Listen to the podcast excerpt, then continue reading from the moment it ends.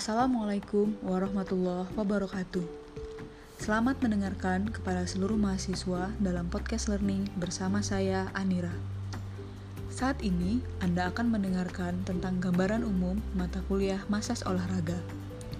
Tujuan dari mata kuliah ini adalah Anda diharapkan memiliki pengetahuan tentang sejarah masas, definisi dan tujuan masas, pengaruh masas, indikasi serta kontraindikasi pada masas. Selain itu, Anda juga dapat memahami terkait teknik-teknik manipulasi pada masas dan juga memberikan pengalaman praktek masas dan penggunaannya dalam masas olahraga.